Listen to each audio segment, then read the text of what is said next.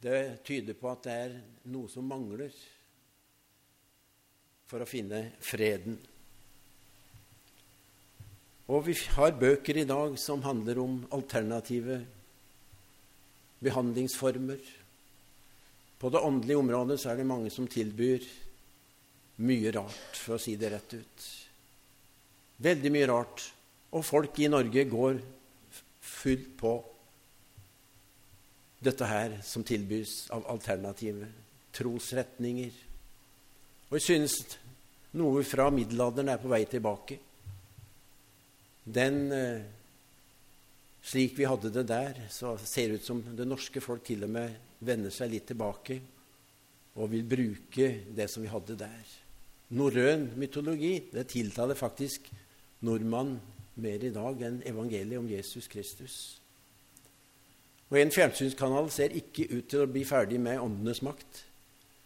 For der er det en uuttømmelig kilde av han som står Løgnens far kalte Jesus han som står bak åndenes makt.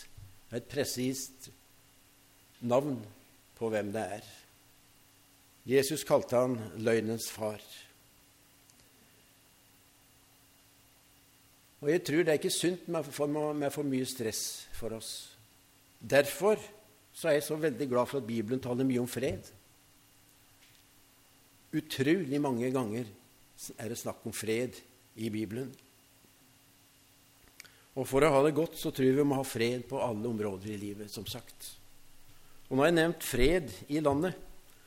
Vi trenger åndelig fred, og det er det vi leser om her. Den åndelige freden, fred med Gud. Det begynner med dette å frykte Herren er begynnelsen til kunnskap står det i ordspråkene 1.7. Det er begynnelsen å frykte Herren. Alle dere som samler her i dag, kan jeg gratulere med at dere har vunnet kunnskap fordi at dere frykter Herren, tatt imot evangeliet om Jesus, har respekt for Gud og Hans hellighet og hvem Han er. Da sier Bibelen at vi har fått kunnskap. Så sier han til dem at vi kan få visdom i hjertet ved å telle våre dager. Det gjør jeg faktisk innimellom. Vi skal ikke ta noe for gitt. Vårt liv kan ende så brått. Og jeg takker Nå har jeg snart levd i 24 000 dager. Det er mange dager. Og jeg vet ikke hvor mange flere jeg flår. Men derfor så sier Bibelen, salmedikteren, lær oss å telle våre dager, så vi kan få visdom i hjertet. Tenk at vi kan få visdom bare ved å telle våre dager. Og det betyr at vi skal være takknemlige for de dagene vi har fått. Det tror jeg det ligger i det. Og ikke tro at vi skal bo her på jorda for alltid. Nei, vi har et mål i sikte i himmelen.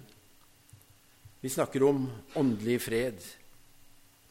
Og Jesus sa, 'Fred etterlater jeg dere, min fred gir jeg dere', ikke den fred som verden gir. For et løfte han gir oss her. Så videre så gir han oss en klok formaning videre her. La ikke hjertet bli grepet av angst og motløshet. Det ene griper det andre, kan du si. Det er så lett å bli motløs. Og i hvert fall hvis du kjenner tilløp til angst så kan motløsheten gripe en veldig hardt i en sånn klemme. Jesus ønsker at våre liv skal være prega av Hans ånd som gir ånd Unnskyld, som gir kraft, kjærlighet og visdom. Det sier Bibelen. Kraft, kjærlighet og visdom. Vi trenger alt. Vi trenger Guds kraft i livet vårt også den kjærligheten. Og så trenger vi visdommen. Om vår tro så skriver apostelen Paulus da vi altså er blitt rettferdige ved tro, har vi fred med Gud ved vår Herre Jesus Kristus. I Romerne 5.1. Her tror vi finner grunnvollen når det gjelder den dypeste freden vi kan få.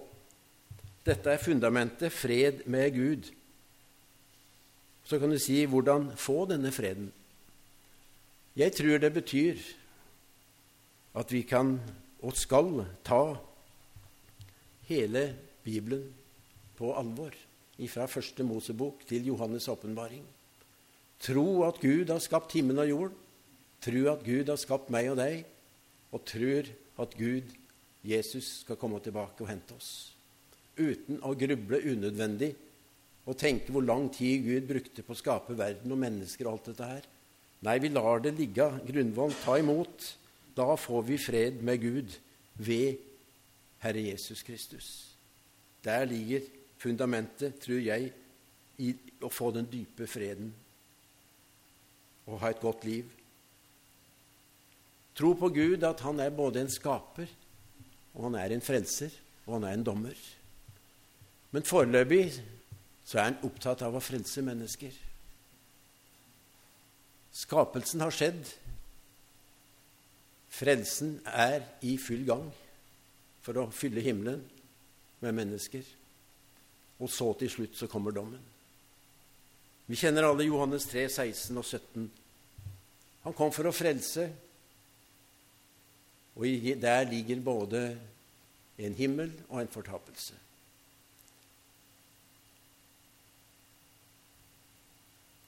Jeg tror at, som Jesus sa, tro på Gud og tro på meg. Det er ingen annen mulighet, slik jeg ser det. Det er ingen alternativer. Jeg har ikke sett noen. Men så tenker jeg på en annen type fred. Vi trenger sjelelig fred. Det er viktig. Og jeg har lyst til å snakke litt om livet her i dag. Jeg har sans for å koble åndelig sammen med sjel og ånd. Kanskje vi har prekt for mye om kroppen og ånd og glemt sjelen vår. Sjelen er jo meg og deg. Det må vi ikke forsømme. Vi trenger emosjonell fred, sjelelig fred, i tillegg til åndelig fred. En indre følelse av ro og harmoni i livet. For å få det de kalte, og kaller fortsatt kanskje mental helse, det velvære for oss. Det trenger vi. Og når vi får, har fred med Gud, så tror jeg det er lettere å finne fred for sjelen vår. Jeg tror det begynner med åndelig fred, men vi trenger fred i sjel og sinn. Øyvind Fragel skrev en sang 'Sjelen den trenger til hvile'. Hva kan vel bringe den ro? Sjelen trenger til hvile. La Kristi fred råde i hjertet, sier Paulus. For til det ble dere kalt da dere ble én kropp, og vær takknemlige. La Kristi fred råde i hjertet. Og dette ordet 'råde' i den sammenhengen er visstnok brukt bare én gang i Bibelen. Råde her betyr egentlig å dømme i en kamp. Altså en dommer i en kampdommer skal dømme fotball eller håndball eller ishockey eller hva som helst. Han er der for å skape ro og orden. Og han er der for at spillet skal spilles på en ryddig og ordentlig måte. På samme måte vil Kristi fred råde i hjertet vårt. Han skal avgjøre, han skal holde ro og orden i livet vårt. Og han sier det Jesus, la Kristi fred råde i hjertet. Og så trenger vi fred med mennesker. Helt avhengig. Bibelen oppfordres til dette og sier 'hold fred med alle', om det er mulig, så langt det står til dere. Det står til oss, meg og deg. Dette er en fred som reduserer konfliktene i samfunnet. Konflikter reduseres mellom naboer og mellom familiemedlemmer. Det er helt avhengig av den. Jeg sier at livet er for kort til å krangle med naboen. Verden og fort livet går.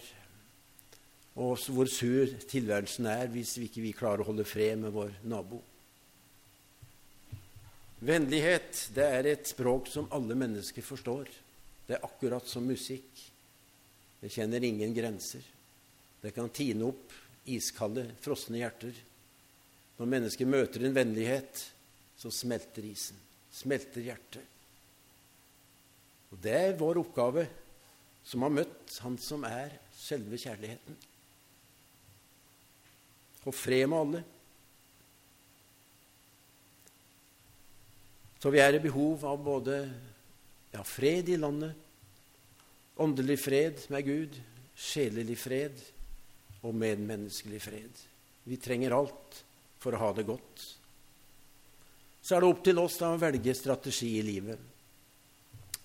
Det er slik at når vi bygger hus, så isolerer vi vegger, gulv, tak, dører.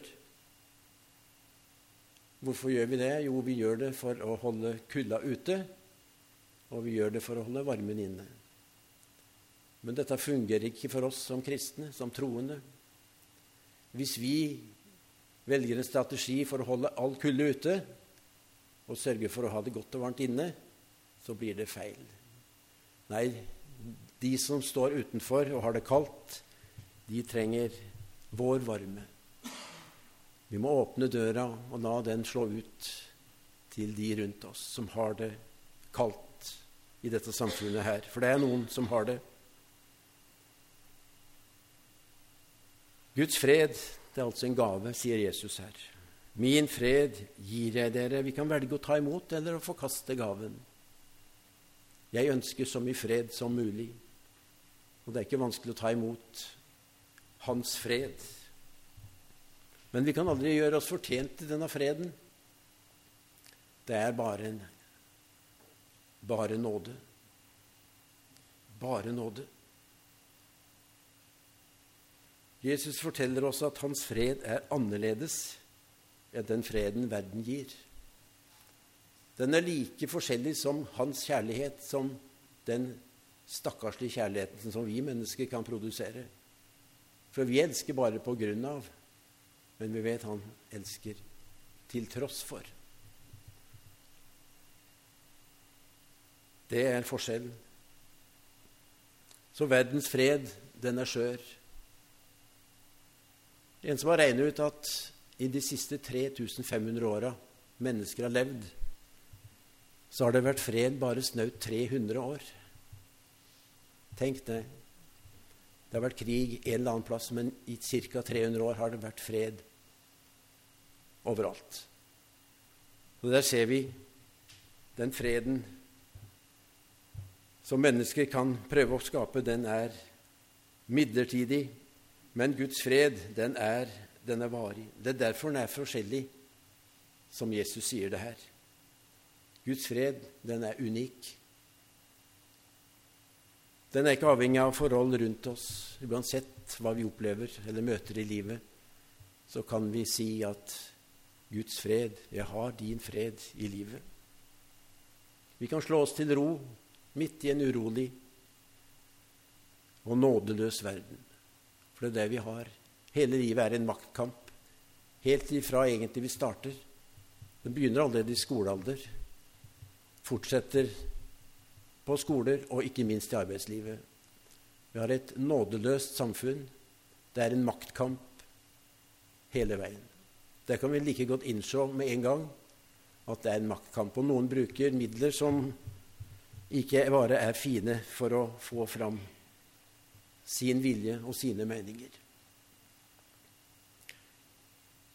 Men for å få fram, eller følge, denne freden som Gud vil gi oss, så må vi følge Guds prinsipper. Det stilles noe i denne boka her og freden, Guds fred, den kommer når vi lever i harmoni med Han.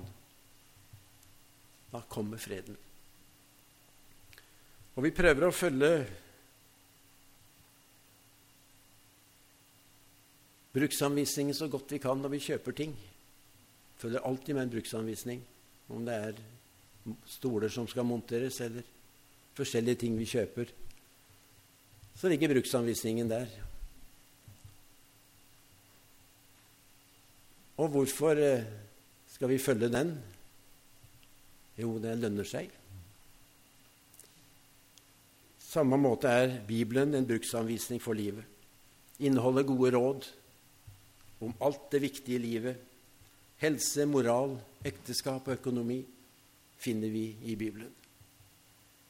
Så det er klokt å følge den bruksanvisningen vi har her. Den er fyldig, den er ca. 1500 sider. Men her finner vi alt vi trenger. Det gjelder å navigere riktig gjennom livet. På sjøen har de brukt fyrlys for å styre skip, for å unngå å kjøre på skjær. Vi synger en sang at Jesu navn er et fyrlys. På land så må vi også navigere på et vis.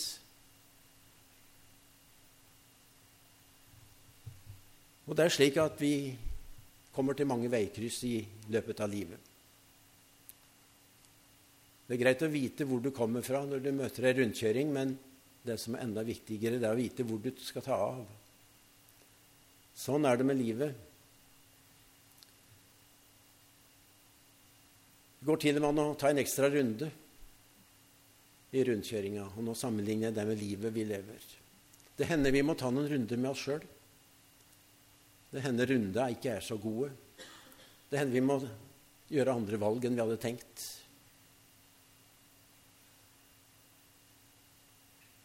Det er bare slik livet er. Når vi kjører bil i dag, så har vi noe fint som heter GPS. Global Positioning System. Et verdensvidt navigasjonssystem. Vi kan plotte inn hvor vi skal. Til et bestemt hus i Oslo, så blir vi fortalt hvor vi skal kjøre.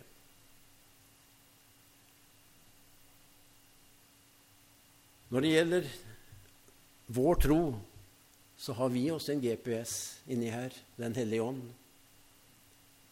GPS-en i bilen garanterer at vi skal komme fram til rett bestemmelsessted.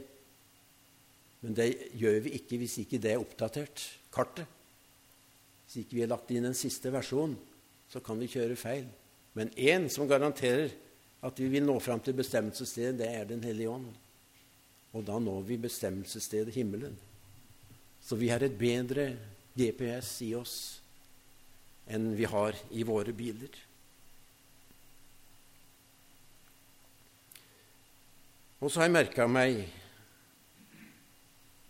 skyldfølelse. Det er den største fredsforstyrreren i samfunnet i dag. Folk går rundt med uoppgjorte saker og har dårlig samvittighet.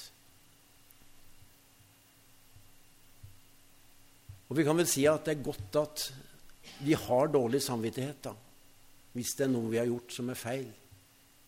Men hvis vi har gjort noe gærent og ikke har samvittighet for det, så er vi ute å kjøre. Så i det minste skal vi kjenne på en samvittighet som vi trenger å be om tilgivelse for. Og vi skal be både mennesker og Gud om tilgivelse for å få den ekte freden i livet vårt. Det er slik at hvis vi føler oss skyldige, så er det omtrent som at fortida forfølger oss. Satan, som jeg nevnte, løgnens far, han vil gjerne diskutere fortida med oss hver eneste dag. Hvorfor det? Jo, for han vil minne oss om ting vi har gjort som ikke var så bra om ting vi har sagt som ikke var helt heldig. Og da vil han minne oss om det og gjøre oss motløse. Hver eneste dag ønsker han å møte oss med disse her pilene. Og for å bryte oss ned, gi oss skyldfølelse, få oss til å gi opp. Da er det viktig å lytte til den andre stemma, Guds stemme, i livet vårt, som sier akkurat det motsatte. For ingenting er bedre enn å ha god og ren samvittighet. Og det sier Bibelen mye om. God og ren samvittighet. Hvis du har det, så har du det veldig godt.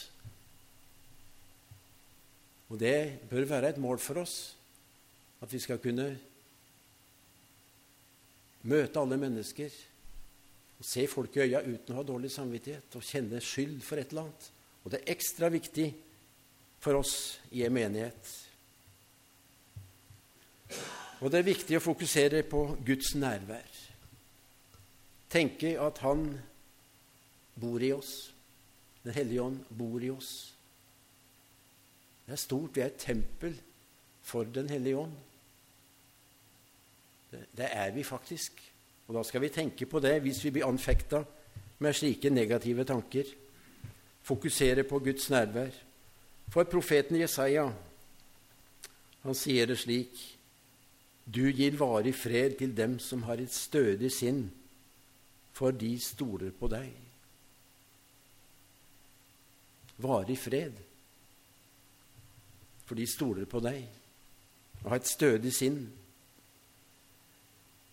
Jeg så forfatteren Corrie ten Boom, han som har forfatta 'Skjulestedet', bok. Det er vel både bok og film. Han sier følgende Jo mørkere natten rundt oss ble, jo lysere og sannere og vakrere brant Guds ord. Det er slik jo mørkere det blir, jo lettere er det da, og jo bedre lyser Jesu navnet, Guds ordet, når vi tar det fram der det er mørkt. Der håpet liksom er ute. Da skal det ikke store fyrstikka til før det lyser opp, når det er ordentlig mørkt. Jeg syns det er veldig bra sagt. Jo mørkere natten rundt oss ble, jo lysere og sannere og vakrere brant Guds ord. Det er slik at når vi møter problemer, så er det lett å bli anspent og begynne å kave og mase. Og det er bedt om at vi skal prøve å unngå å bli anspent. For den onde vil, oss, vil at vi skal bli anspente, han vil at vi skal bli stressa, ha dårlig samvittighet. Hvorfor? Jo, for da gjør han oss utrygge. Og utrygge mennesker gjør en utrolig dårlig jobb. Veldig dårlig jobb gjør du når du blir utrygg. Det er fundamentet ofte på en arbeidsplass at du kan være trygg på sjefen din og trygg på de du jobber sammen med. Men vi kan huske på at Gud han ønsker å tale til oss med følgende ord hvis vi kjenner sneven og bli anspente, så kan vi si at Jesus sier 'sørg for å ha rett fokus nå'. Se på meg, løft blikket ditt, lytt til meg, regn med meg, for jeg er med deg alle dager. Det er det det handler om. Hvis vi ønsker å erfare Guds fred, så må vi sette vår lid, lit til Gud og Jesus Kristus. Sjøl om det syns som om det vi opplever, og fornuften vår sier at det vi opplever, det kan umulig stemme. Det skjønner jeg ikke. Så kan vi stole på at Gud har en plan med livet vårt og si at 'jeg er trygg hos deg'. Jeg får be til deg. Det er akkurat det. Vi hørte en som sa det i morgenandakten. Hvis vi kjenner på angst og uro Han var psykiater så sier han det at det som hjelper si, si til deg sjøl at 'jeg er trygg'. Han sier bare å si de orda, det hjelper. Det var et godt, enkelt råd. Si 'jeg er trygg', sa han. Og Jeg tror vi kaster bort mye tid og energi på å prøve å finne ut av spørsmål og gruble på ting. Om problemer å prøve å finne ut av, for vi får aldri svaret uansett. Vår innsikt vår kapasitet den strekker ikke til. For det er så mye urettferdighet som skjer i verden. Så vi kan bare slå oss til ro med at det er denne verdens fyrste som har forblinda de vantro sinn. Det er ikke han vi skal møte. Nei, han som styrer rundt oss nå, han har helt andre planer. Myrde, stjele og drepe. Nei, vi holder oss til han som løfter oss opp Jeremia sier, 'For jeg vet hvilke tanker jeg har med dere', sier Herren. Det er fredstanker og ikke ulykkestanker. Jeg vil gi dere fremtid og håp. Så Gud har altså fredstanker med oss. Ikke noe mindre enn det. Fredstanker. Og profeten Jesaja han følger opp med å si, 'For mine tanker er ikke deres tanker'. Og deres veier er ikke mine veier, sier Herren. Som himmelen er høyt over jorden, slik er mine veier høyt over deres veier, og mine tanker høyt over deres tanker. Gud bruker enhver situasjon, også prøvelser og smerte og vanskeligheter og sykdom, alt du har møtt, det kan han bruke til å forme sin hensikt med mitt og ditt liv. Slik er Gud. Det som vi kan betrakte som omveier, det kan han betrakte som verdifulle utflukter i livet vårt. Jeg sier at det er bedre å ta en omvei enn en snarvei som en kristen. Det er veldig fristende å ta noen snarveier for at vi kan ta oss bedre ut og se mer fullkomne og ja, vellykka ut. Men kanskje det er nettopp den omveien som vi må ta noen ganger. Bruk gjerne rundkjøringa som et eksempel. Eller når ei elv kommer til et stille strøk, så begynner vannet å gå litt til side i sånne sirkler som kommer inn i en liten vik. Vannet tar noen runder der, det skummer litt i vannet, og plutselig så går det videre etter hvert. Slik er livet vårt. Jeg tror at vi skal slutte å betrakte det vi tror er omveier, som negativt. Jeg tror Gud bruker så mange, for her jeg har jo profetens ord på det. Deres veier er ikke mine veier. Vi har bestemt hvilke veier vi skal kjøre når vi skal ut og kjøre, men så har han kanskje en helt annen plan. Han vet hvilke tanker han har med oss. Jesus han var opptatt av å berolige sine disipler. Hvor mange ganger sa han ikke 'frykt ikke'? Frykt ikke, frykt ikke. La dere ikke skremme, sa han. Og skremte mennesker gjør også en dårlig jobb. Hvis vi som menighet skal føle oss redde, utrygge, da blir det en merkelig menighet. Der vi skal lytte til hva Skriften sier. La dere ikke skremme. Det er en annen som ønsker oss, ønsker at vi skal gjøre som sagt. Han vil ødelegge og drepe og stjele.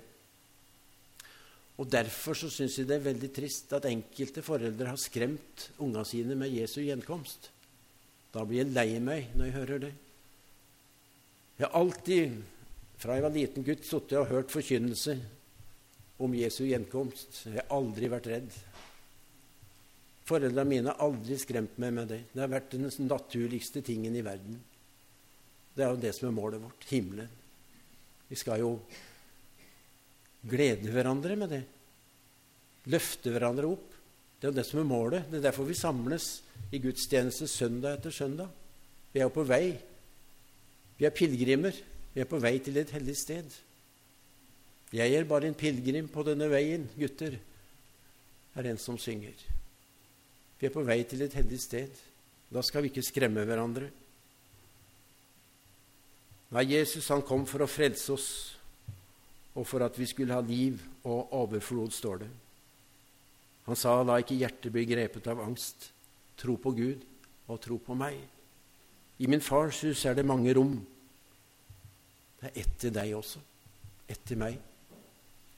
Der blir det ikke plassmangel. Garantert. Han har et rom for alle som ønsker å ta imot Han som frelser. Som kristne så skal vi hjelpe hverandre. Hvis alle menigheter har det som fokus, at vi skal hjelpe hverandre, så blir det godt å være i menigheten. Da blir det godt å komme inn og kjenne en atmosfære som vi merka her i dag. Vi skal hjelpe hverandre til å få åndelig fred, sjelelig fred og medmenneskelig fred. Det ene henger sammen med det andre. Henger veldig nært sammen. Og jeg er veldig opptatt av at vi skal ha kropp, sjel og ånd. Det skal vi ha med oss i menigheten. Vi må ikke glemme en av delene. Vi må ikke glemme Det er like feil å glemme ånd som å glemme sjelen. Og så har vi kroppen vår. Den har det faktisk best når vi har sjeler i fred og fred med Gud. Det er vel slik at psykiske sykdommer kan slå ut fysisk og gi oss synlige sykdommer. Nei, som menighet så skal vi ikke bruke ord som sårer og skader hverandre. Det skal vi prøve å unngå. Jeg er jo i Etisk råd, og kommer, vi benytter anledningen det er vi blitt enige om at vi skal nevne dette med seksuelle overgrep når vi har mulighet, når vi er rundt i menigheter. Det er sånt som skader og sårer. Og det er litt av noen saklister vi har når vi møtes der til møter. Det er tragisk. Men vi, noen må, i, må ta tak i dette her, og jeg er en av de som er med. Det er skader og sårer. Og vi skal ikke bruke manipulerende bønner. Det så jeg en som skrev om i Korsets seier for noen uker tilbake. Jeg tror han Bjørn Olav Hansen. Vi skal ikke be på en måte som gjør at vi trykker andre ned. For det går også an. Det er utrolig hvordan vi kan misbruke de mulighetene vi har fått. Da blir vi som fariseeren som heva seg så høyt over han tolleren som sto der takka for at han ikke var som han. Du, Hvis du ikke orker eller ønsker å be høyt, så er det opp til deg. Gud hører tause bønner like mye som høylytte bønner. Han hører korte bønner like mye som lange. Jeg tror han ønsker veldig korte konkrete bønner. Kom til meg, alle dere som strever og bærer tunge byrder, og jeg vil gi dere hvile, sier han. Og vi skal ikke svikte vår egen menighet når det begynner å gå tungt. Alt ifra barnearbeid, ungdomsarbeid og eldretreff. Da skal vi ikke svikte vår egen menighet og begynne opp åndelig shopping i andre menigheter. Det er ingen løsning. Hvordan skulle det være hvis fotballsupportere begynte å gå over til et annet lag hvis det gikk dårlig med laget sitt. Vi har faktisk en del å lære av idretten. Heie på hverandre. Ser du når skiløpere er i ferd med å gå i mål på, Ser du hvor mye gir, gir det, hvor mye de gir sekundantene på slutten? Gir alt for at de skal vinne, de som de sekunderer. Det er vår jobb i menigheten. Jeg har hørt noen har sagt når det blir vekkelse, så skal jeg begynne å gi tiende. Det blir helt feil. Nei, da har vi Skriften på hvordan vi skal forholde oss til menigheten vår. Egentlig er det Guds menighet, men det er min og din menighet. Det er så viktig at vi har vår menighet.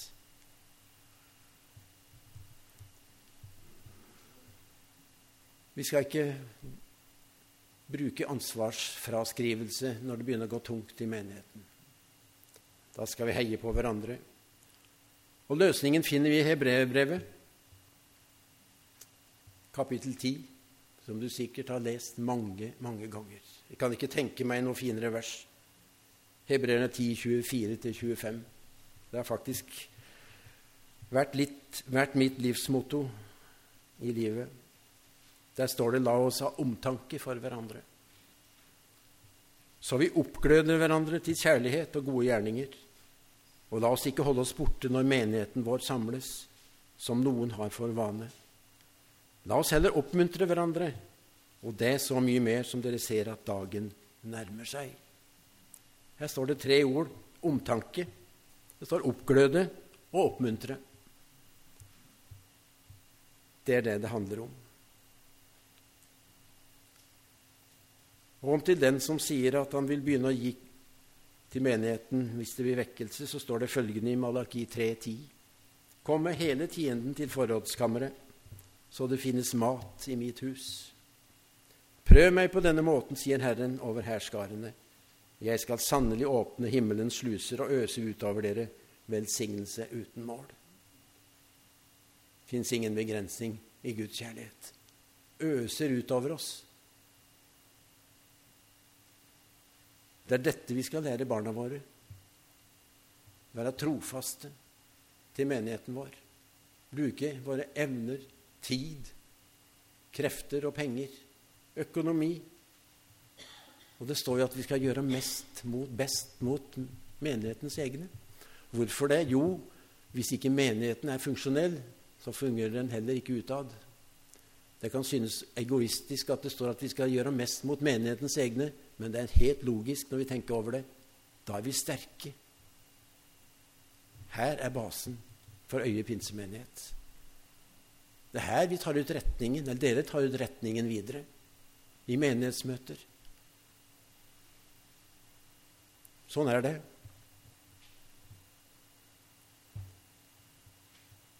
Og hvis vi gjør det, så tror jeg at vi vil oppleve Åndens enhet i en fred som binder oss sammen. Og jeg har enormt tro på flergenerasjonsmenigheten. For en menighet er ei familie. Det er en stor familie. Og det er godt å kunne samles, alle generasjoner, i samme menigheten. Så til slutt vil jeg bare si må Guds fred, som overgår all forstand, bevare deres hjerter og tanker i Kristus Jesus. Amen. Amen. Skal vi be sammen? Herre, vi takker deg